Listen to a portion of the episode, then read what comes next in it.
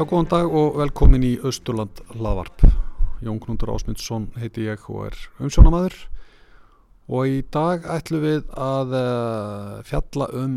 hátíðardaskrá Östubrúar sem haldin var í lok april en þá helt Östubrú upp á sitt fyrsta stóramæli eftir viðbörðaríkan áratug. Uh, nokkri fyrirlesarar fluttu ávörp á amælisáttíðin um fjölbreytt efni Stefán Bói Sveinsson skáld og sveitastjórnafulltrúi talaði um sjálfsmyndu austfyrringa. Páll Líndal, doktor í umhverfisálfræði, fjallaði um áhrif umhverfis á hilsu og velíðan. Ferðamálafröðmiðurinn Öðurvala Gunnarsdóttir, sem er meðal annars eigandi Blábjarga og Borgarferði Eistri, fjallaði um ferðarþjónustöðustulandi. Og Raka Nagli, hilsusálfræðingur og engaþjálfari, fjallaði um fjölbreyttar undistöður góðrar hilsu og áherslur ólíkra samfélaga á því sviði. Í þessum þætti ætlum við að heyra nokkur mislöng viðtöl sem umsjónamaður þessa hlaðvarps tók við þessa fyrirlesara. Fyrst heyrum við í Röggu Nagla, svo Páli Líndal, Þínast Öðuvölu og loks í Stefáni Búa. Jæja, Raka Nagli, velkomin austur. Já, takk fyrir kellega, takk fyrir að fá mig. Um, nú ert að fara að stíga á sviðið eftir nokkara mínútur. Hvað, hvað ert að fara að segja fólkinu? Það segja ykkur frá bláu svæðunum, þar sem er mesta langlífi í heiminum. Það eru flestir sem að verða 90-100 ára. Þarna eru við að tala um fimm svæði sem að Daniel Bjútner frá National Geographic hefur rannsakað og skoðað. Þetta er Okinawa í Japan, þetta er Sardinia á Ítalju, þetta er Íkarja í Gríklandi, e, Nigoya skæðin á Costa Rica og Loma Linda í Kaliforníu. Og þetta er sem sagt, það er verið að skoða svona hvað eiga þessar þjóðir sameigilegt og af hverju er svona óbásta mikið langlífi og góð heilsa á þessum svæðum. Og við getum lært ímislegt af þeim og, og þeir, þeir borða svona mismunandi mataræði en þeir eiga samt ákveðna þætti sameigila í mataræði.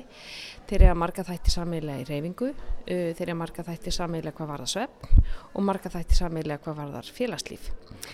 og þetta er svona það sem við getum tekið út, það eru nokkru þætti sem að þeir sagt,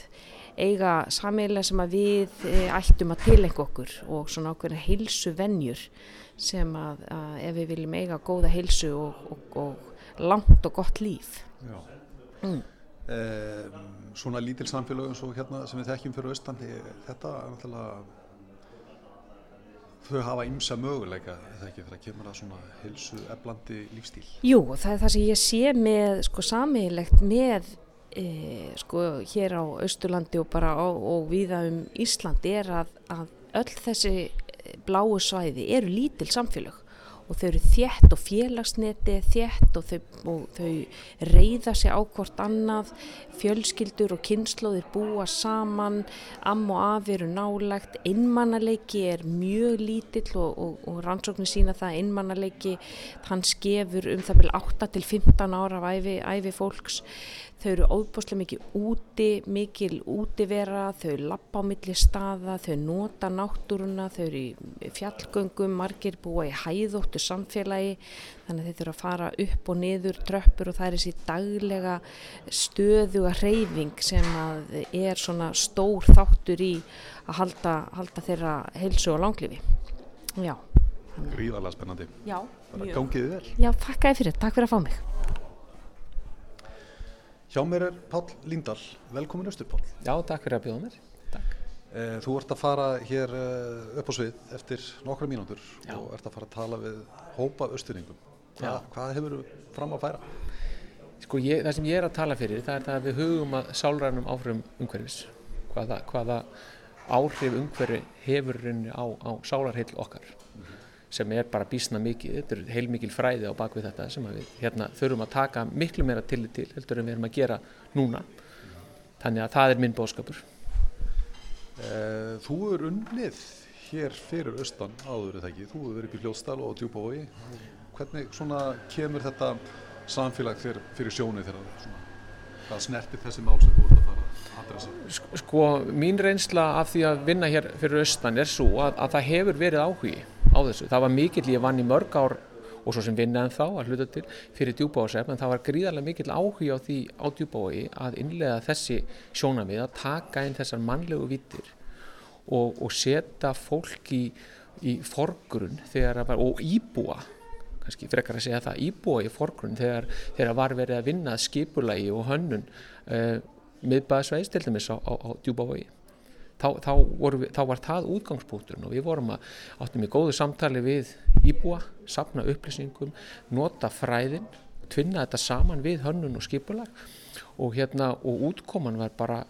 bísna góða, bísna skemmtileg og, og góður svona eh, hvað ég segja, svona, það var svona góð stemning í kringum þetta að mínum að því og svo var náttúrulega verkefni hérna í Fljóðstall sem var náttúrulega alveg engar áhugavert sem var þessi nýji byggðakjarni sem hefur verið í, í burðalinu þar það, þá var lagt upp með það að, að velja staðnum stað, þessum nýja byggðakjarni að velja honum stað sem að mætti sálfræðilegum þörfum e, fólks Já. þannig að það væri svona útgangspunktur að, að, að samspil fólks og umhverfis að það, það væri svona í, í, í öndvegi Þa, það var mjög, mjög svona bildingarkent hugmyndi sjálfur sér sko. Eh, svona hugmyndir sem þú ert að lýsa, eru þetta að einhverju leiti að setja tónin fyrir næstu ártíu, er þetta að trenda eins og mann sé? Já, ég held að, sko, ég vil ganga svo langt að segja að þetta er krafa 2001. aldarinnar. Það er það að við förum að taka fólk inn í e, og, og þarfir þess og vendingar og, og atverðli og eðli, að við förum að taka það inn í skipula og hönnun á umhverfi miklu, miklu meira mæli heldur en gert er og við gerum það með kerfispundnum og, og vísindalegum hætti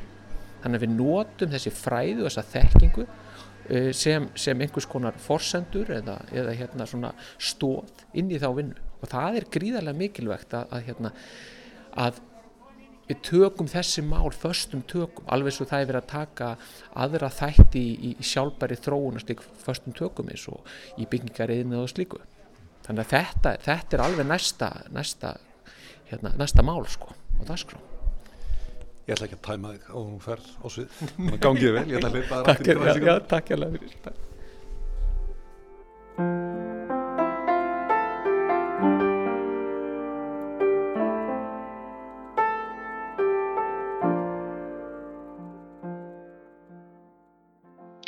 Auðvala, þú, þú ert mikil talskonna samvinnu og hefur tjáði um það ofinberlega hvaða er nú mikilvægt að við, við eh, vinnum saman sem ein heild og þú ert svona, já og hefur alltaf verið eflaust mikil svona uh, liðskona en í erindinu þínu varstu að eh, fjalla um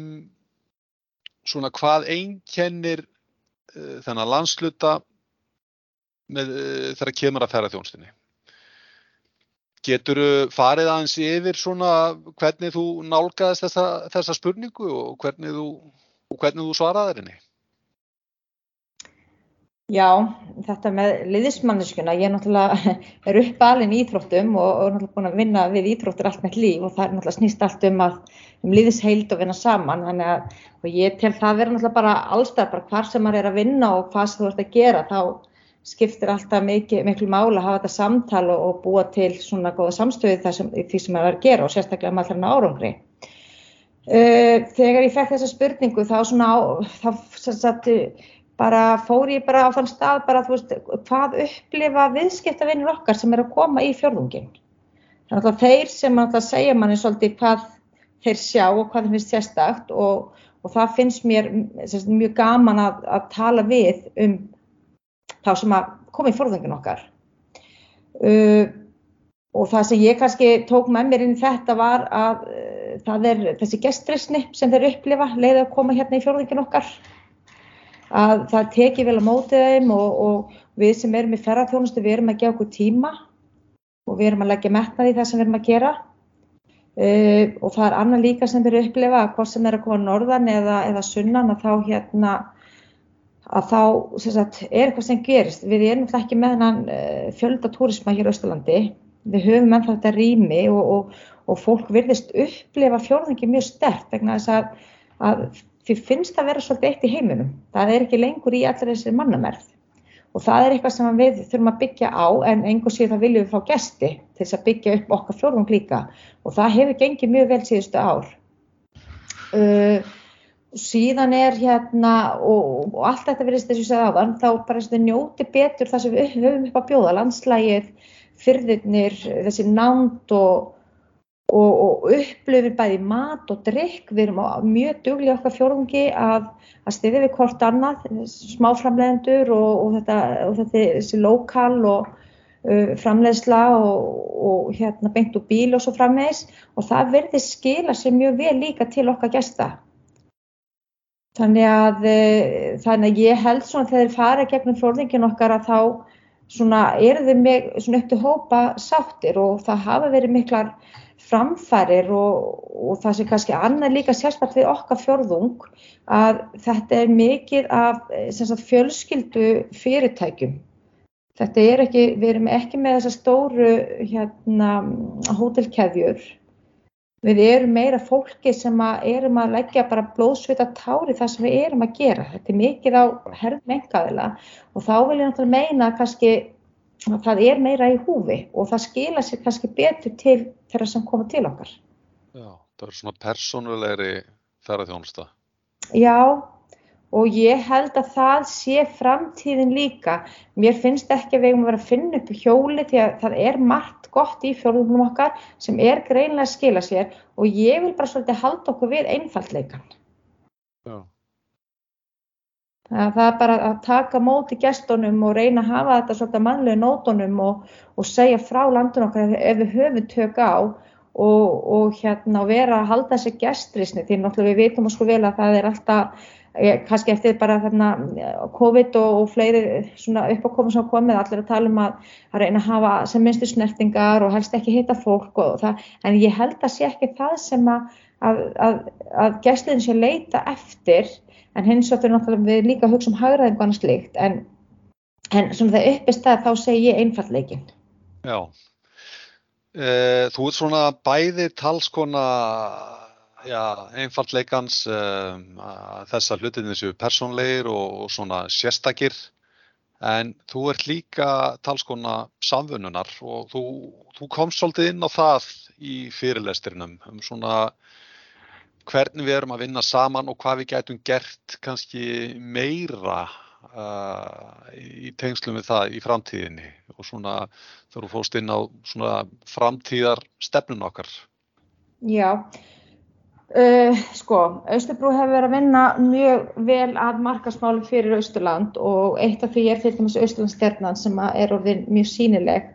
á sérsagt mörgum þáttum innan ferðarþjónustunar uh, og ég telur mjög mikilvægt að við höfum þetta samtal bara því sem erum hérna á Austurlandi og mér finnst að vera til staðar. Ég til dæmis er í miklu samskiptu við smáframlegendur og, og það er alltaf að, að vaksa og, vera, og, og hérna og, og vera be betra að mínu mati uh, þannig að uh, þessi Auslandsstjarnar hún, ég vil að verði svona haldi vel utanum hana því hún er að styrka, styrka þessa innviði sem við þurfum á að halda og það að bara að vera með, ef við tökum bara þetta smatseðil, að geta verið með frá öðrum í fjörðunum sem er að gera góða hluti og setja það bóðstólinn hjá mér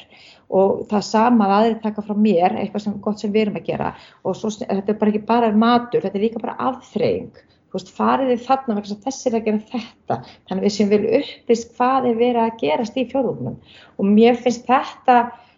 vera ótrúlega sterk samvinna sem getur skila okkur svo ótrúlega miklu. Að ég, bara þú veist, ef ég tala bara um mig þá er ég að fá fullt af, af gestur til mér þar sem aðrir er að mæla með í fjörðunum og ég mæri líka með öðru stöðum og hvert fólk er að fara, hvert er að fara endilega komið þarna við. Það sem, að, það sem er svona sérstaf að fólk að byggja skemmtilegt við eigum að halda því á lofti. Ef ég get haldið einhverjum tveim dögum meira í fjörðungum af því ég sagði farið upp og óbeðasettur, farið upp í hérna bara skjöldostadi eða eða hérna skreppin á seyðisfjörð, það er verðið að fara þangað, þú veist, þá ertu strax búin að auka, þú veist, halda gesturinn lengur í forðunum og það er það sem við viljum, við viljum þau öll sem erum í ferðarþjónustunni, við viljum að fólk velji lengur á Östurlandi og við höfum alveg nógu upp að bjóða þess að geta haldið nokkra daga á Östurlandi.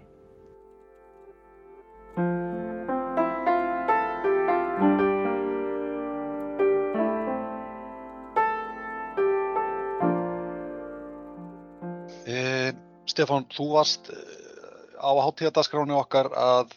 takla skemmtilega spurningu. Um, þú, varst að, þú varst að reyna að svara því uh, hvað,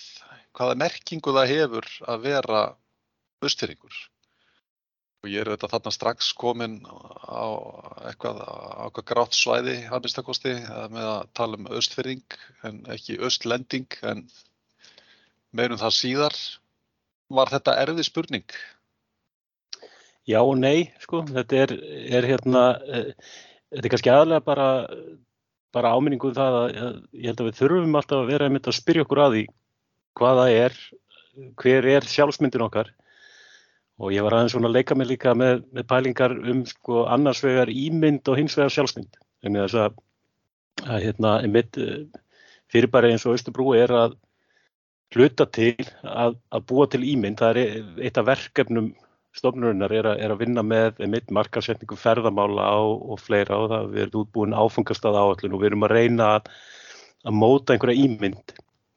Og, og það er bara mjög, mjög gott og blessað. Það sem ég fór að hugsa svo litið um er, er mikilvægi þess að móta sjálfsmynd og hvernig það verkefni er, er ólíkt því að, að móta ímynd og svona algjörlega án þess að, að vera einhver, einhver sérfræðingur um þessu mála þá, þá finnst mér svo litið eins og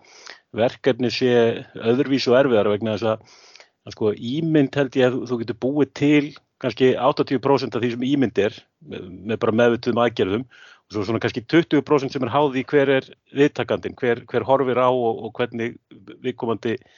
meðtekur ímyndina. En, en ég held að þetta sé alveg um öfugt með sjálfsmynd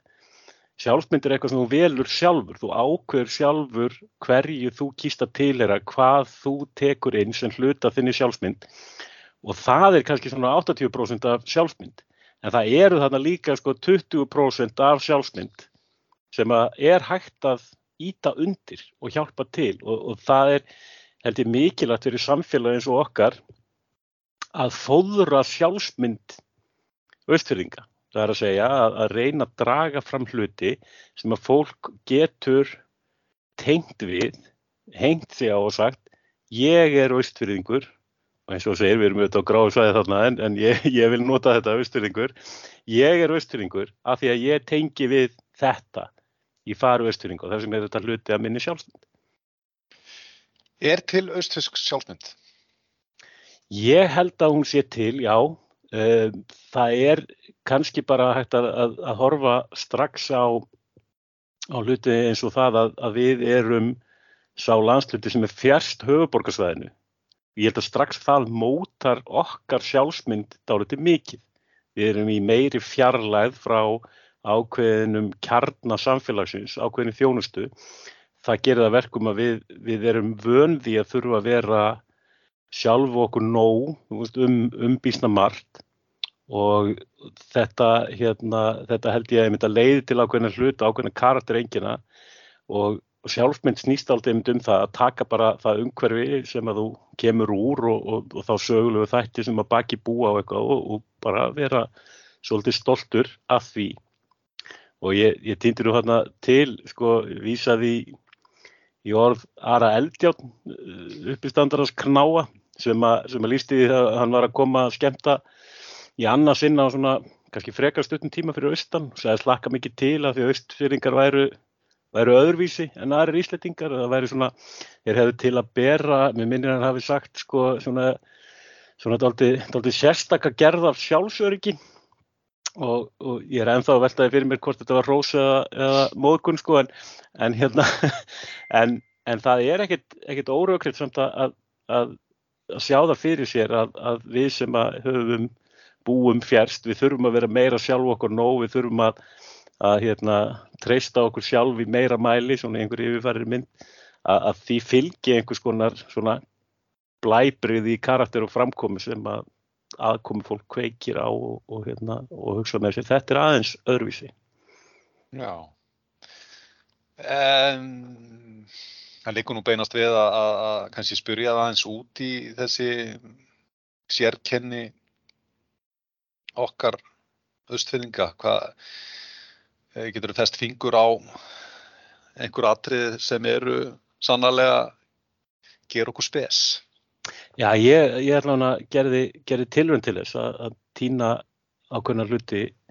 fram og ég byggit aldrei mikið á, á svona sögulegum þáttum kannski vegna þess að það er mitt áhuga svið og, og náttúrulega einhverju leiti orðið mitt starfsvið líka núna og hér að skilja safni auðstyrringa að, að það eru ákveðin sögulegi þættir sem að greina okkur frá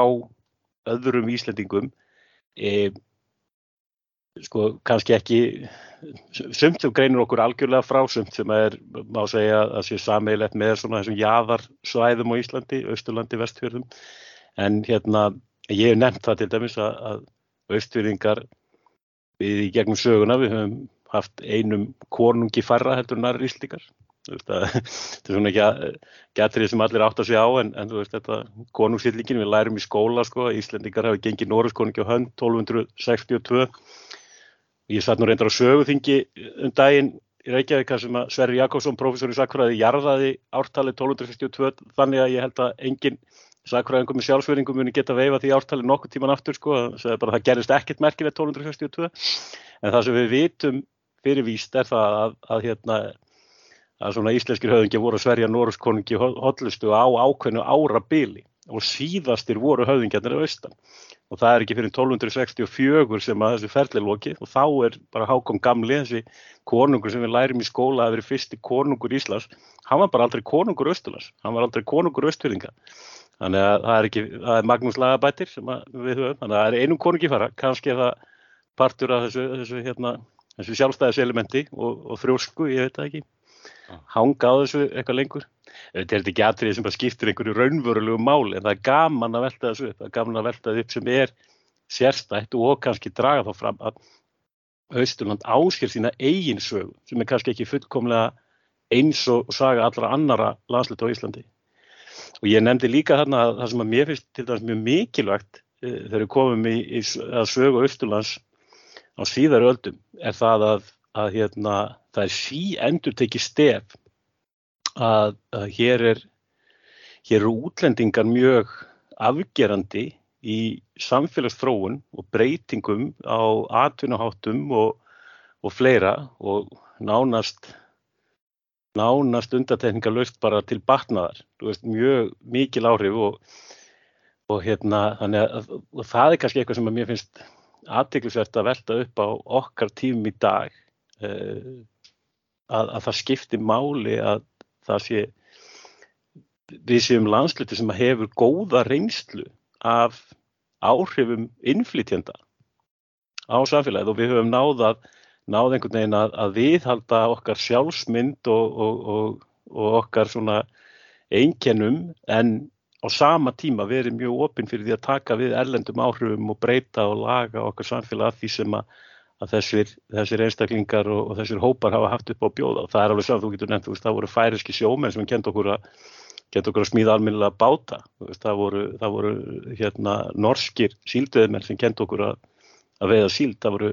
franskir skútusjóminn sem að voru okkur fyrirmyndi því að fara að hefja sko alminnilega útgerð. Það eru danskir og norskir kaupmenn sem að byggja upp atvinnuvegina sem að, og í rauninni byggja upp þorpin sem að, og, og bæina sem að við, við erum ennþá að vinna með í dag og öll okkar veist, þetta er allt saman, þetta eigum við allt þessum erlendu áhrifum að þakka og ég held að við getum bara verið mjög, mjög ánað með það og, og, og þann, þannig getum við kannski unni, unni með það áfram, við erum bara, við erum opið samfélag. Já. Eh, Taland um að vinna hlutina áfram og þú minnist þarna á, eh, á skipulag sem við erum að vinna með og, og þú hérna, þú ert búin að gegna og gegnir formensku í svæði skipulagsnefnd sambandsveitafélag á Östurlandi sem var að skila frá sér til umsagnar skipulagstofnunar e, eh, til að svæði skipulagi og vonandi verður það bara e, e, tekur það gildi í næsta höst. Eh, mér lákar kannski bara í fyrsta lagi, sko, er þetta svæðiskipulag, að hvað leiti er það tilrönd til þess að að efla þessa sjálfsmynd og styrkja þessa sjálfsmynd? Og kannski hins vegar, sko, nú, nú er þú búin að lifa og hrærast í, í sveitarstjórnarmálum í, í mörg ár og, og ég er bara velta fyrir mér svona hugmyndir um okkur sem einhvers einhvern hóp heldur að þær séu almennar meðal, meðal fólks á Östurlandi? Ég, þetta er mjög góð spurning vegna þess að, að uh, ég held að mynda ímynda okkar og þar með kannski einhverju leiti sko, svo sjálfsmynd sem fólk hefur tilengja sér hefur á stundum verið þannig að við séum margir litlir hópar sem séum stöðut að takast á uh, núna eftir, eftir 12 ári sveitarstjórn og, og kannski sérstaklega eftir að við unnið að þessu verkefni sem er gerð svæðskiplas fyrir Östurland þá held ég ekki sagt að, að það sem er einkenni sveitarstjórnastíðu Östurlandi eru ekki átök heldur þvert á móti samvinna Veist, það, er, það eru dæmum átök en, en hérna veist, vel yfir 90% allra mála eru, eru unnin í mjög mikil samvinnu millir sveitafélag og, og sameigilega sínin er byggt svona sterk og hún byrtist auðvitað í þessu svæðskipulagi þar sem við erum, erum sammal um, uppbyggingu. Og það er kannski líka e, meina, stór þáttur í þessu svæðskipulagi er það að, við erum ekkert að tala um einhvern einn e, byggðakjarnar sem að sé aðal og aðrir einhvern veginn hverfist í kringum þennan eina kjarnar. Við bara, við erum og það er bara söguleg rauk fyrir því að við erum mjög fjölkjarnar samfélag og þá vinnum við með það. Það er hluta því sem við erum. Við erum ekki eigafjörðarsvæði með akkurir sem, sem algjörlega hérna, dominerandi, bara sólina í miðunni og, og svo allir hinn í fylginhettinir. Við erum öðruvísi og það er okkar sérstaf og það vinnum við með. Og ég kannski sko þegar, þegar ég kom að þessari vinnu, svæðskiplasvinnu, þá var þetta ekki það sem ég var eftir í huga, þetta kannski, kannski rann meira upp fyrir mér eftir því sem við, við heldum áfram, að því betur sem okkur tekst að setja á blada þessu samveilegu sín, þeim hjálplegra, er plaggið, er áallunin til þess að íta undir þessu sjálfsmynd. Og sjálfsmyndin er mikilvæg vegna þess að fólk sem tengir sig við einhverju tildengum sjálfsmynd, það, veist, það er kannski líklega bara einmitt til þess að koma aftur, flytja aftur, fólk sem er hérðan, það flytur til útlanda eða á höfuborgarsvæðið en, en það viðheldur sjálfsmynd sinni sem austfyrringur og er þar fyrir viki líkleri til þess að horfa í ákveðum augum að það að flytja tilbaka. Við þurfum líka að hafa þetta þannig að þetta sé sjálfsmynd sem er hægt að ganga inn í. Þannig að, að fólk sem ekki er einmitt fættir og uppalið geti komið til okkar og tengt við veist, öðrlast hratt og öruglega sjálfsmynd sem hlut af, af östfísku samfélagi. Þannig að þetta er, ég finnst þetta mikilvæg hluti að skipuleginu, þó kannski við segjum þetta ekki í, í svo mörgum orðum í skipuleginu, en þetta er samt, þetta, þetta er eitthvað sem að, sem að skiptir máli þegar upp er staðið. En ok, Stefán, uh, við skulum uh, gefa okkur samt uh, smá næði og smá tíma til að svara þessari spurningu sem brennur á vörum margra. Hvort tölum við um austfyrringa eða austlendinga? þetta er svo skemmtileg spurning að því að, að við erum ennþá að, að glýma við hana. Eh, ég svaraði henni og, og hérna á fundurinn þannig að ég væri austfyrringur. Eh, ástæðan fyrir því að ég vil vera austfyrringur er það að mér finnst bara austlendingu svo ljótt orð og mér finnst það svo ræðilegt og ég vil ekki nota það og hérna Og, og þá fór ég að reynda að leita fanga í sögunni og, og ég tel mig hafa, hérna, hafa ákveður raukverði því að segja bara alveg frá upphafi, alveg frá því bara landinu var skipt í fjóruðunga 965 þá var sem sagt talað um austfyrðinga fjóruðung eh, sem að og, hérna bara mjög hljómfægurt og allt það, austfyrðinga fjóruðungur vestfyrðinga fjóruðungur en svo var sko norðlendinga fjóruðungur og sunnlendinga fjóruðungur þannig að þetta sé bara í uppröðunlega og þess vegna segir tilfinningin okkur að þessi orð séu rétt og, og ég var mjög ánægð með mig þegar ég var að, tala um þetta og, og hérna, fór mikinn á sviðinu um þetta og taldi mig að jarða þessu umræði eitt skipti fyrir öll. Svo bara fyrir ralni var ég að skoða mjög gammalt kort eða afrita mjög gömlu korti, Heru, þá náttúrulega stendur á kortinu austlendinga fjórðungur. Þannig að veist, þetta, er, þetta er ekkit, þetta er ekkit alveg einfalt að svara þessu en en hérna ég verð bara að halda við það sem að ég trúi, þú veist, ég vil meina það að þetta sé bæðið upprunulega og svo auðvitað það að við erum sem landsluti, erum við órjúalega tengt fjörðunum og því sem að þar er að finna, jafnveg þó við búum á hérraði eða einn til dala, þá á endanum, þá erum við, við erum hér á austurströndinni og á austurströndinni eru fyrðirnir